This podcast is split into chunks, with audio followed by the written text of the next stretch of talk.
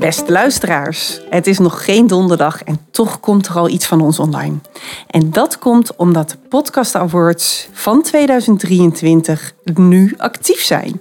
En met actief bedoel ik dat jullie kunnen stemmen op de podcast Geef me de 5 bij autisme. Het lijkt ons super leuk om deze te winnen. Niet alleen omdat winnen natuurlijk erg leuk is, maar ook omdat we op die manier meer bekendheid geven aan de Geef me de 5 methodiek. En we weten gewoon dat in Nederland nog mensen zijn die zoekende zijn naar iets wat helpt en dat wij het antwoord kunnen geven. Dit kan bijdragen aan die brede bekendheid. Dus we willen jullie als vaste luisteraars vragen om allemaal te stemmen. Dit kan op www.podcastaward.nl. En je kan dan bij de publiekprijs stemmen op Geef me de 5 bij autisme.